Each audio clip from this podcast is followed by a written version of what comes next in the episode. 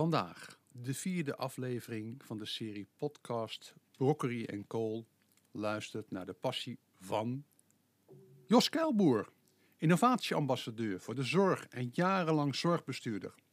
Maar zijn grote passie is de schrijver Willem Elschot. Het gesprek wordt gevoerd door ondergetekende Herman Poos en... Lilian Zwart. Ja, Lilian. En wat is jouw openingsvraag, Lilian, altijd? Ja, Jos, waar stond je wieg en wat is er van je terechtgekomen? Hele grote vragen, maar begin gewoon waar je wil beginnen. Dan begin ik met de wieg. Die stond in Alkmaar. Ik ben in het ziekenhuis in Alkmaar geboren. En mijn ouders woonden op een boerderij ongeveer zo'n 10 kilometer van Alkmaar vandaan. In het plaatsje Oteleek. Schattig plaatsje. En die zijn verhuisd in 1964 naar de polder. Oostelijk Flevoland, naar de Ronte. Grote open vlakte. Mooie boerderij. En daar heb ik eigenlijk mijn eerste jaren echt uh, doorgebracht. Ik 7, 8 was ik toen ongeveer. En daarna naar middelbare school. Op internaat gezeten. In uh, het mooie Twente. Middelbare school ook nog in Kampen. En toen gestudeerd in uh, Utrecht op de HAO. En daarna heb ik nog in Rotterdam bedrijfssociologie gedaan. En vervolgens ben ik aan het werk gegaan. En eigenlijk vanaf de middelbare school was ik al een groot liefhebber van Elschot. Nou, dat is een beetje kort en krachtig. Zeker. Ja, en dan is de vraag natuurlijk, uh, wat heb je met Willem Elschot? Hoe ontstaat zoiets? Ja, dat is een, dat is een, ja, eigenlijk begon dat dus op de middelbare school met. Ik las al vroeger heel veel. Dus dat was wel zo. Ik, was, uh, ik vond het heerlijk om boeken te lezen. En toen moesten we natuurlijk op de middelbare school voor de boekenlijst ook lezen. En toen kwam ik het eerste boekje van hem tegen. Nou, niet helemaal het eerste, maar het eerste boekje wat ik gelezen heb. Dat is De Ontgoocheling. Een van de docenten zei, dat moet je eens lezen. En dat Had een... dat een bepaalde reden dan? Dat hij vond dat jij de ontgoocheling moest lezen? Ja, dat... ja. Uh, ik zat toen in de periode dat ik niet zoveel deed. Ik lanterfante nogal behoorlijk en uh, liet het een beetje gaan. En in de ontgoocheling, dat is toch een boeiend boekje. Dat is ook een beetje de periode waarin Karel of Willem Elschot zelf van school afgestuurd is. Die is toen een paar jaar gewoon ook als loopjongen heeft hij gewerkt. En uh, toen mislukte hij eigenlijk op een aantal punten. En dat beschrijft hij in de ontgoocheling. En toen las ik dat boekje en toen dacht ik, ja, dat is toch één fantastisch eenvoudig geschreven. Heel toegankelijk. Geen opsmuk. Het is niet een man van een heel breed uh, taalgebruik, maar eigenlijk heel to the point. En een heel herkenbaar mooi verhaal over een vader die grote verwachtingen had van zijn zoon, die advocaat moest worden. Maar het jongetje kon eigenlijk helemaal niet zo goed leren, of moest heel veel moeite doen om te leren. Bleef drie jaar zitten in de eerste klas van het Atheneum. En toen moest hij van school af. En toen mislukte hij ook nog als loopjongen. Dus alle mislukking, mislukking zat erin. En uiteindelijk is het toch nog goed gekomen met hem. Dat is ook alweer het goede van het verhaal. En het mooie was eigenlijk die verhouding tussen die vader en die zoon. Die kwam in die ontgoocheling eigenlijk op een hele mooie manier naar voren. De overdreven, verwachten, overdreven verwachting die je soms hebt ten aanzien van kinderen. Maar als je de tijd geeft en ook de tijd gun, dan komt het eigenlijk vaak best wel goed voor elkaar.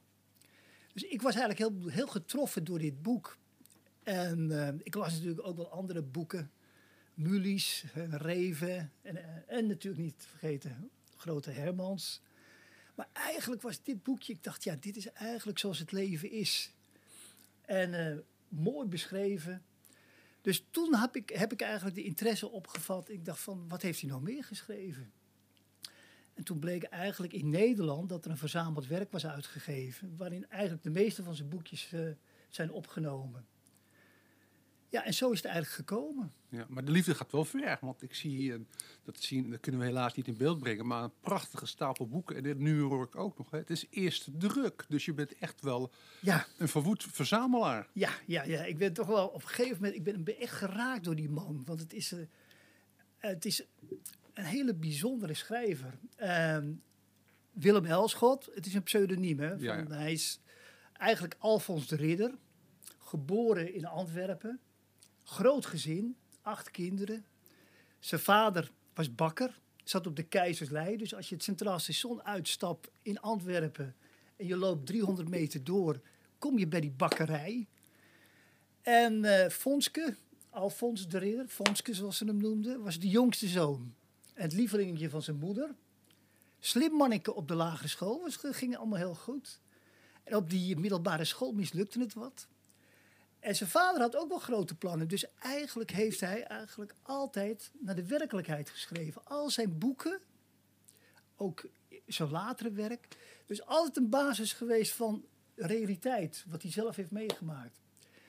En ehm, ja, die ontgoocheling was dus inderdaad echt die periode die hij dus ook nadat hij van de was weggestuurd, zelf heeft meegemaakt. Hij heeft gewoon een paar jaar ook als loopjongen gewerkt en hij kende die stad. En eh, in die zin is het natuurlijk een hele reële en eh, beschrijven van de dagelijkse realiteit. Ja, mooi. Als ik zo Jos hoor praten, die passie, dan beweegt zijn handen en zijn hoofd alle kanten op. Elk woord, dat, dat voel je gewoon. En ik zie jou dan lopen door Antwerpen om Ja. al die sporen na te trekken. Heb je dat ooit gedaan, Ja, heb Jos? ik gedaan, heb ik gedaan. Ik heb ook, dat is een heel bijzonder boekje. Dus de ontgoocheling. Eigenlijk gun je dit iedereen, ook alle middelbare scholieren, lees het. En het komt uiteindelijk Ik zou het de ouders goed. ook allemaal Ja, de. Toch? Dit ik wordt vind het zo mooi Ja, tijdloos. ja, je hebt gelijk. Ja, dat is waar. Je, eigenlijk gun je het eigenlijk alle ouders. Ja. ja, dat is waar. Maar dan heb je ook zijn laatste boekje, Het Dwaallicht. En dat is, dan gaat hij zelf door Antwerpen heen. En dat is een, eigenlijk een heel bijzonder boek. En dan loopt hij daar als Laarmans, want dat is eigenlijk zijn eh, alter ego. Zo beschrijft hij zich altijd, Frans Laarmans. Gaat hij naar buiten, zit thuis, wil hij zijn krant halen. Hij ging ook altijd een borreltje drinken. Ging hij naar buiten toe, kwam hij drie zoekende matrozen, zwarte matrozen tegen, die op zoek waren naar Maria van Dam. Dat was een meisje, die was daarop aan boord geweest, die had kleren versteld. En dat meisje had een grote indruk gemaakt op deze drie zwarte Afghanen. En eh, die mensen, die jongens zijn aan het zoeken, want ze hadden een adres gekregen van Maria van Dam, maar die konden natuurlijk de weg niet vinden. En in dwaallicht gaat Frans Lamans met die drie Afghanen mee en dwaalt hij door eh, Antwerpen, komt op verschillende plekken, bijzondere plekken. En er is ook een dialoog tussen die drie matrozen en die Lamans. Want het betekent eigenlijk dat er een ongelooflijk cultureel verschil is tussen die westerse invalshoek en de Afghaanse invalshoek. En uiteindelijk vinden ze Maria van Dam niet. En gaat Lamans ook weer naar huis toe. Want zijn vrouw verwacht hem natuurlijk. Want hij is ook veel te lang weggebleven. Maar het is eigenlijk ook een aanrader voor iedereen die, wat, die wat verder wil kijken dan de westerse cultuur. Hoe kunnen verschillende culturen zich met elkaar mengen en hoe kan je elkaar helpen in best moeilijke omstandigheden. Nou. Jo- Jos, ik moet even in, ingrijpen. Ja. Dit, dit, dit, is, dit is verhaal, alles spookt door mijn hoofd. En in het eerste denk ik, dit is broccoli en kool, hè, sociale cohesie aan van letteren. Ten tweede, eh, wat lijkt me prachtig om een keer met onze groep onder leiding ja, van jou als gids door Antwerpen Ja. te, te dolen. En dat jij gaat vertellen wat, je, wat de sporen zijn van Elschot. Of door Schiedam, hè, daar heeft hij ook gewoond, begreep ik. Eh, dus wij komen daarop terug. Maar eh, even naar het gesprek. Wat heeft literatuur jou opgeleverd als mens? Ah, mag ik nog één Ja, vraag ja, even tuurlijk. afstellen? Tuurlijk. Jij praat heel bevlogen over hem. En ik hang aan je lippen, hè, want ik dacht van tevoren, Jezus Willem Elschot. Kijk even naar de technicus. Denk, Nou, die is echt wel van de vorige eeuw. Maar Ja. ik ben echt wel... Ik ga dat boekje lezen. Ja, Alleen, wat is er iets in de persoon Willem Elschot... wat ook spiegelt bij jou? Waardoor je er zo door getrokken werd. nou ik denk... Lijkt hij een beetje op je? Nou, misschien hoop ik dat wel. Misschien, ik denk het wel dat er een soort link is, want hij heeft een ongelooflijk relativeringsvermogen. Hij heeft een ontzettende fijne ironie. Dus als je hem leest nu ook nog, Villa de Rose is zijn eerste boekje. Dat is eigenlijk één grote humorvolle roman over twaalf pensiongasten in een villa in Parijs. En als je dat nu leest, ja, ik moet er elke dag nog om glimlachen, bij wijze van spreken. En wat ik wel heel mooi vond, is eigenlijk wat hij gedaan heeft. Want hij is toen nadat hij als loopjongen gewerkt heeft, is hij toch weer naar de hogere handelsschool gegaan. Daar heeft hij eigenlijk cum laude zijn opleiding afgerond. Daarna is hij de reclame ingegaan. Is hij een hele succesvolle, eigenlijk succesvolle reclameman geworden. Hij is bijvoorbeeld, heeft alle reclames gedaan voor de Snoek Almanak. Dat is een groot account geweest. Hij deed ook alle reclames uh, op de stations van de spoorwegen in België. Dat had hij ook naar zich toe gehaald. Dus hij is redelijk succesvol uh, geweest.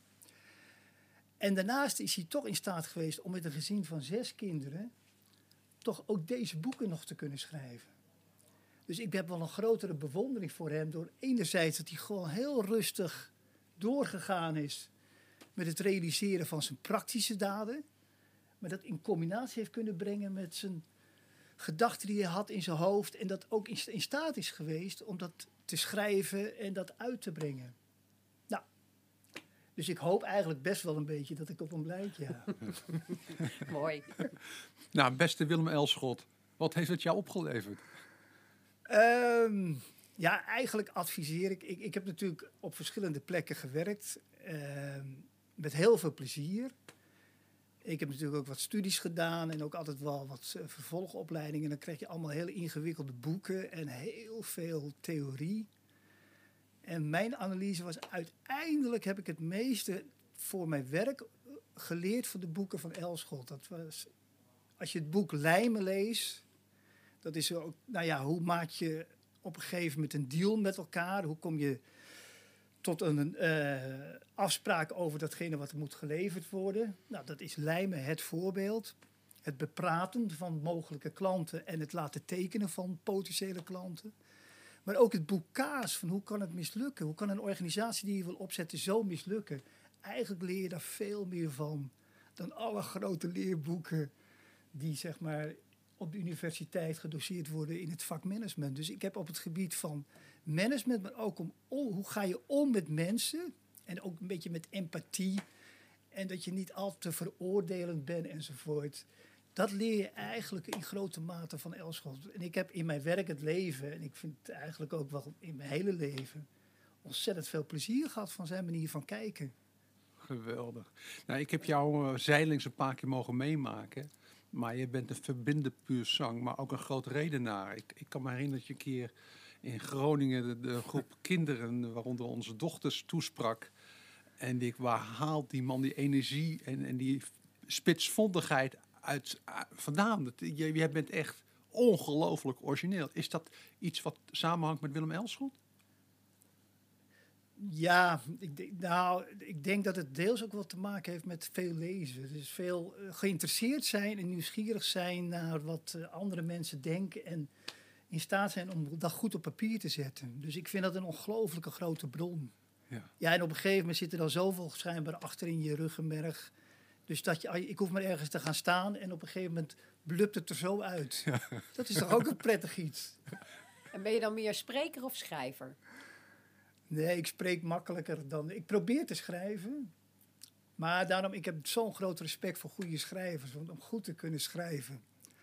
Het is niet eenvoudig. Want meestal zit je toch met te veel slagroom. Met de ingewikkelde constructies. Dus ik, uh, ik probeer het wel. Ik, ik schrijf ook wel steeds meer. Maar goed schrijven is een groot vak hoor. Ja. Nou, wat me ook intrigeert is dat Willem Elschot uh, pas in tweede instantie tot ja, zijn talent liet zien. En als ik naar jou kijk, nee, geweldige passie. Uh, je was een ondeugend karakter. Volgens mij ben je dat nog steeds, zoals ik je een beetje ken. Maar je was uiteindelijk ook een geweldige carrière in de zorgsector. Je, je bent zorgbestuurder geweest van een van de mooiste universitaire ziekenhuizen. En daar deed je ook echt moeilijke projecten. Hoe heb je dat van elkaar gekregen? Ja, is ook een beetje geluk hebben van... Uh, ik, ja, de, ik, vond de zorg interessant, hè, want het zijn eigenlijk heel veel betrokken mensen die daar werken. En dan op een gegeven moment uh, rol je eigenlijk uh, in functies. En als dat goed gaat, dan ga je eens wat grotere projecten doen. Dan krijg je ook wat meer verantwoordelijkheid. En dan moet het je gegund worden om op een gegeven moment op leidinggevende posities te komen. En ik heb zelf, dat heb ik ook al, altijd geleerd. Uh, nooit al te veel stress op mijn werk gehad. Dus ik, ik heb eigenlijk altijd met heel veel plezier kunnen werken zonder dat ik er ontzettende zware schouders van heb eh, gekregen. Je hebt het En- geleerd, zei je. Maar ik denk dat als jij dat geheim nu vertelt, dan hebben wij eh, miljoenen volgers. Of Ja. hoe je geen stress krijgt op je werk. Vertel er eens iets over.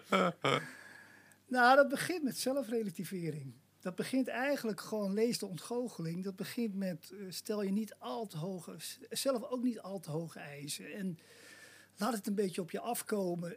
En probeer het goede te doen. En wat er dan van terecht komt, wees daar ook een beetje gelukkig mee. En ik heb natuurlijk heel veel mensen gezien, ook in mijn directe werkomgeving, die zelf veel te hoge eisen aan zichzelf stellen. En dan ook wel heel kwetsbaar worden. En dan vaak valt het tegen. En dan, ja, dan wordt het afbreukrisico groot. Maar het heeft ook wel met karakter te maken hoor. Dus ik, ik ben ook echt gezegend met een, makkelijk karakter. En met veel levenslust. Dus het is deels eh, iets wat je hebt. Maar je kan het, eh, zeg maar, niet. Wat ik zelf wel erg geleerd heb. Dat was wel van een hele goede leermeester, een goede adviseur. Die zei. Altijd als je in een bijeenkomst zit en je begint dit te doen met je handen, je gaat knijpen, dan moet je even naar jezelf, aan jezelf denken. Moet je even de schouders losmaken en weer even denken, god, waarom zit ik nu te knijpen? En ik denk dat het heel, veel- heel veel mensen zou helpen in hun werk of als ze ergens mee bezig zijn. Van, wat beknelt me? Waar maak ik me nu echt druk om? Wat zit me dwars? Waarom spreek ik het niet uit? En dan wordt het werk leuker. En ik heb wel altijd eh, ook ge- gemerkt van hoe meer plezier je kan uitstralen naar je directe werkomgeving, dat krijg je allemaal terug. Is ook een cliché. Waar ben je het meest trots op wat je bereikt hebt in jouw eh werkzame leven bij het eh, Universitair Medisch Centrum in, in Utrecht? Ehm, nou, ik denk dat. Naast, eh, ik denk dat ik eigenlijk een aantal mensen een setje heb gegeven om echt eh, te kiezen voor zichzelf en te innoveren en eh, de lef te hebben om dingen op te pakken. Je ziet in deze grote organisaties vaak dat mensen allemaal binnen de regels blijven en dat de angst wat regeert. En ik denk dat ik wel dat ik een heel groepje mensen heb kunnen motiveren. Joh, wees nou niet benauwd, doe het nou eens gewoon. En als het tegenvalt, we leven in zo'n rijk land, het valt altijd mee. Dus hier kan je wel. we- wees niet te bang om te mislukken. Misschien is dat eigenlijk nog wel eh, de grootste boodschap. Van, eh, ach, als het een keer verkeerd gaat. We hebben zo'n waanzinnige trampoline in dit land. In die zin is het natuurlijk een loterij dat je in zo'n rijk land geboren bent. En eh, gebruik dat op een positieve manier. Prachtig, prachtig. Ik En vind, het zo, oh, sorry. Hè? ik vind het zo mooi dat, want eigenlijk hoor ik elke keer die ontgoocheling weer terug. Want daar staat dat natuurlijk ook in. Van joh, weet je, het mag dan wel mislukken. wil niet zeggen dat je mislukt voor het leven. Nee, Het kan altijd weer goed ja, komen. Ja. Nou ja, Elschot heeft zelf wel eens gezegd dat die periode zijn meest leerzame periode geweest is. Dat hij, hij is toen twee jaar wezen dwalen door eh, Antwerpen, zat deels ook tussen. hij werd ook ontslagen als loopjongen. Toen moest hij gewoon zijn dagen rondbrengen met zwervers. En daar heeft, hij heeft het meeste van geleerd. Van hoe overleef je in dat soort omstandigheden. En eigenlijk ook het bewustzijn van als het tegen zit. Er is een bodem, maar je kan vrij veel hebben als je die bodem in zicht krijgt. Jos, eh, het schiet me ook weer te binnen. Jij bent eigenlijk ook de grondlegger geweest. Dat is wel een heel bijzonder verhaal, eh, Lilian. Want je hebt ook iets indirect met voetbal.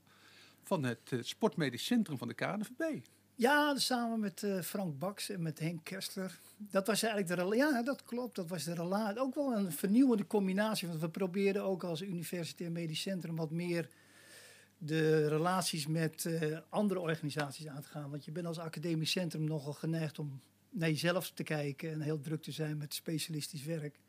De grap zit natuurlijk in de samenwerking met andere instituten. En dat is eigenlijk wel heel goed gekomen, dat eh, Universitair Medisch Sportcentrum. eh. Ja. Ja, ja. daar ben je echt wel mede-architect van, weet ik. Dus complimenten. Ehm, ja, eh, Lilian, ik heb nog duizend en één vragen. Dat, eh, want Jos is echt een begenadigd spreker ook, merk ik weer. Andermaal. Maar we moeten nog iets hebben over Brokkery en Kool. Waarom ben je eigenlijk lid geworden? Nou, het past fantastisch in de, fase waarin ik nu zit. Want eh, ik begeleid nog wel een paar medische start-ups. Maar voor de rest is het leven eigenlijk één grote vrijheid. En wat ik heel belangrijk vind, dat probeer ik wel uit te dragen. Ook naar vrienden en naar mensen in mijn directe omgeving. Vooral jongens die af en toe dikke buikjes gaan krijgen enzovoort. Je wel, dat zie je natuurlijk vaak op leeftijd. eh. Ik zeg, jongens, er is maar één oplossing. Bewegen, bewegen.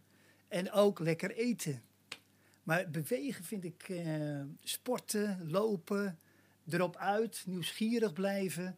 Niet zeuren, niet, eh, niet eh, achter in de stoel en alles weten. Nee, erop uit en kijken. En, de- dat, en toen kon jij me dat idee, vond ik al fantastisch, dat je gewoon zegt, ik ga gewoon weer eens wat nieuws beginnen.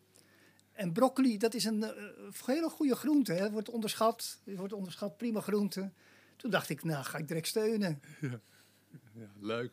Hey, en eh, wat heb jij met eh, gezond blijven? Want ik weet dat je ook heel fanatiek marathons loopt. Ja, veel gelopen, veel gelopen. Nou, het is toch een zeer, dat is toch fantastisch als je een lichaam hebt waardoor je allerlei inspanningen kan verrichten. Het is ook wel een beetje verslavend, want je, ik voel me ook beter als ik veel beweeg. Dus eh, sporten, zwemmen doe ik nu. Kan ik ook iedereen aanraden, ook in het kader van broccoli. Ga zwemmen. Ik krijg nu les in eh borstkrauwel. Het is niets beter voor een mens. Lopen, eh, fietsen en zwemmen. En, En lekker koud, schaatsen. en de, de zee gaan met koud water. Ja, koud, ja, koud, ja, koud, koud. Daar ben ik nog niet zo ver. Wim Hof, iedereen is er gek op. Maar ik zag nog, eh, bij ons eh, achter hebben we een watertje. Een buurvrouw die gaat nu elke keer het water in. Dus ik heb wel diep respect.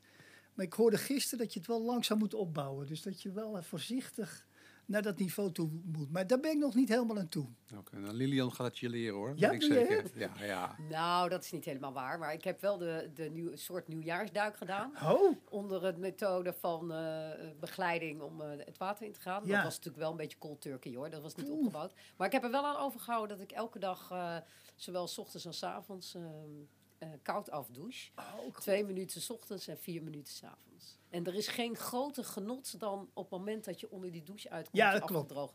Dat is een sensatie, die maak je eigenlijk bijna nooit mee. Dus ik kan het je wel aanraden, maar bouw rustig op. ik neem het mee, ik neem het mee. Hey, wat heb jij met ouderen en jongeren? Je hebt een, een, een dynamisch gezin, eh, rijk leven. Eh, sociale cohesie vinden wij ook belangrijk. En als ik jou hoor praten, dan denk ik, jij bent de verbinder puur zang naar alle generaties. Ja, nou, nou, laat ik zo zeggen. Het, het mooiste is om natuurlijk zoveel mogelijk met jongere mensen ook in de slag te blijven. Ehm, en als dat lukt, dat, is, dat merk ik met die start-ups. Dat zijn ook allemaal jonge, enthousiaste mensen die iets willen. En of het lukt is natuurlijk altijd de vraag. Maar gewoon de energie en het enthousiasme en eh, gewoon, eh, we gaan het doen. Zonder al te veel problemen, laten we het gewoon proberen. Ja, dat is toch wel ongelooflijk rijk. En ja, het is mooi van Nederland dat je dat.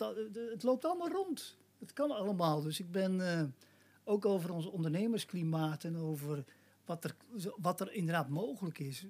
Nou ja, fantastisch tevreden. En probeer het ook wel op te zoeken. Ik probeer niet, ik vind ook eh, sociale cohesie met eh, vrienden ook allemaal heel goed. Maar niet alleen maar in de 60-plus omgeving te blijven enzovoort. Dus ik probeer zoveel mogelijk eh, dat een beetje te combineren met andere impulsen. Geweldig. Lilian, ik moet even nog teruggrijpen naar de boeken. Want ehm, ja, Jos is innovatieambassadeur en eh, ik ben innovatiepromotor. En een van de sectoren die me altijd interesseert, hoe krijgen we de boekenmarkt Ja. geïnnoveerd, dat er weer meer gelezen gaat worden. Heb jij daar ideeën over, Jos? Nou ja, de e-book, het e-book is natuurlijk, vind ik, ik, ik lees eigenlijk, dat is wel het punt. Je- Als, vroeger kocht natuurlijk heel veel boeken. Tegenwoordig zit alles gewoon op je iPadje en kan je meenemen. Dus overal waar je zit kan je het gewoon openslaan, kan je lezen. Dus dat maakt het volgens mij veel toegankelijker. En er wordt vrij veel gelezen toch wel. Alleen het probleem is natuurlijk dat de jeugd veel meer beeldgeoriënteerd is dan eh, boekgeoriënteerd is. En ik, weet niet precies hoe je dat eh, zou kunnen oplossen. Ik, ik denk dat je gewoon maar mee moet gaan in de golf. Dat je de beelden enzovoort moet gebruiken. En ik denk dat er altijd een groep eh, geïnteresseerd zal zijn in literatuur. Middelbare scholen spelen daar een belangrijke rol in. Maar het kan ook nog best zo zijn dat er over een aantal jaren weer een hele revival is. En dat een grote groep jongere mensen zeggen van wat is het toch heerlijk om met een boek apart te zitten. En me, dan, en me te kunnen terugtrekken. En ik vind nu wel, ook reizen is natuurlijk lastig. Hè, want met een boek ben je gewoon altijd op vakantie. We krijgen de, De ene one-line aan de andere krijgen we, Liel. Nou, wat ik wel mooi vind in, eh, in het kader van dit eh, eh, innoveren en beeld en geluid en, en boeken te combineren. En ik heb vier dyslecten, dus dat is altijd een worsteling Ja, om ja, ze aan het lezen ja. te krijgen. Maar Storytel helpt dan echt wel. Ja, Dus dan kun je gewoon je oortjes... Ze hebben, leven toch alleen maar met hun oortjes in. En het andere wat, een prachtig, wat ik echt een prachtig voorbeeld vind van vernieuwen... is het boek Sapiens. Ja, oh, ja. Dat heeft die eh, schrijver heeft met eh, twee eh, tekenaars heeft dat boek naar een stripboek omgezet. ja dus dat het is prachtig ja, om te lezen. Goed, ja. En het is natuurlijk niet doorheen te komen, Sapiens. Hè, als ik even namens al mijn generatiegenoten en jongeren spreek. Maar dat boek is echt, vind ik zo'n mooi voorbeeld van hoe kan je mensen toch aan nou ja, een manier van informatievoorziening krijgen. op een hele mooie manier. Dus dat wilde ik even. Ik ga even aan jouw zijde zitten als Ja, innovator, heel goed, zeg heel goed, heel goed, heel goed. Geweldig, geweldig. Jos, ehm, heb jij nog dingen zeggen, nou, dit had je moeten weten en dat is zo stom dat je niet vraagt, want daar is zo'n mooi, ant- mooi antwoord bij te op te geven. Nee, je hebt al van die mooie vragen gesteld. Ik zou alleen, er wordt natuurlijk nog wel eens gevraagd: leeft Willem Elschot nou nog in Nederland? Wordt hij dan nog wel gelezen? En, en dat wordt natuurlijk minder. Daarom fantastisch om toch nog eens een pleidooi te geven voor hetgene wat hij gedaan heeft. Maar er wordt, wat wel aardig is, hij heeft ook een paar versen geschreven. Was toen vrij jong, eh, tussen de 16 en de 25.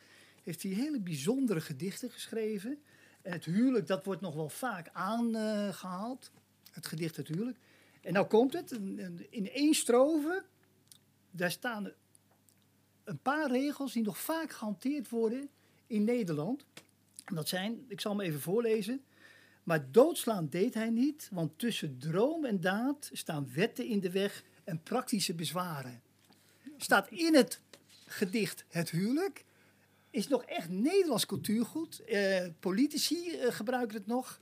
Eh Gert-Jan Segers heeft het laatst nog gebruikt in de Kamer. Toen werd hij heel goed ge door, eh, door Asser. Die het hele gedicht uit zijn hoofd kende. Ja. Dus dat is voor een Elschot-liefhebber een groot genoegen. Geweldig. En eh, jij zei ook dat Elschot een van de meest gelezen schrijvers is in Nederland? Nou, hij is populair geweest eh, vanaf de jaren 50. Zijn grote teleurstelling was echter, hij heeft toen natuurlijk het eerste boek in eh, 1913 geschreven tot en met 1946. Toen werd hij in België, Vlaanderen slecht gelezen, want toen werd er eigenlijk veel meer Frans gelezen dan, eh, dan eh, Nederlands. En in Nederland werd hij vanaf de jaren 50 populair. En je zou kunnen zeggen dat op middelbare scholen vanaf de jaren 60, 70 die veel gelezen is. Maar het is wel doordat hij vrij eh, dunne boekjes schrijft, is hij wel een vrij toegankelijke schrijver en is hij wel veel gelezen. Alleen het wordt natuurlijk wel minder. Ja, mooi. Ik ga hem ook weer herlezen. Oh ja, toch nog weer een vraag. Jij zei, voor dit gesprek heb ik weer een aantal boeken nagelezen en ik heb weer nieuwe dingen geleerd. Dan ben ik wel benieuwd, wat, wat waren nieuwe inzichten voor jou? Nou, eigenlijk zijn boerenslimheid en zijn koopmanschap. Eh, want in die Villa de Roze, dan, dat is dus een pension waar twaalf mensen bij elkaar wonen. En de pensionhouder moet dat natuurlijk allemaal economisch laten renderen. En ze heeft daar dan een champagnegrap. Eh, dat is dan, eh, de naamdag wordt dan gevierd van een van de gasten. Dat is in Frankrijk altijd een groot iets. Hè. Dan wordt er goed gegeten. En dan heeft ze met één van de gasten afgesproken dat die inderdaad dan, dat die dan een fles champagne aanbiedt. Daar hoeft hij dan niet voor te betalen. Maar al die andere twaalf gasten die denken dan, ja, als er één een fles aanbiedt, dan kan ik niet achterblijven.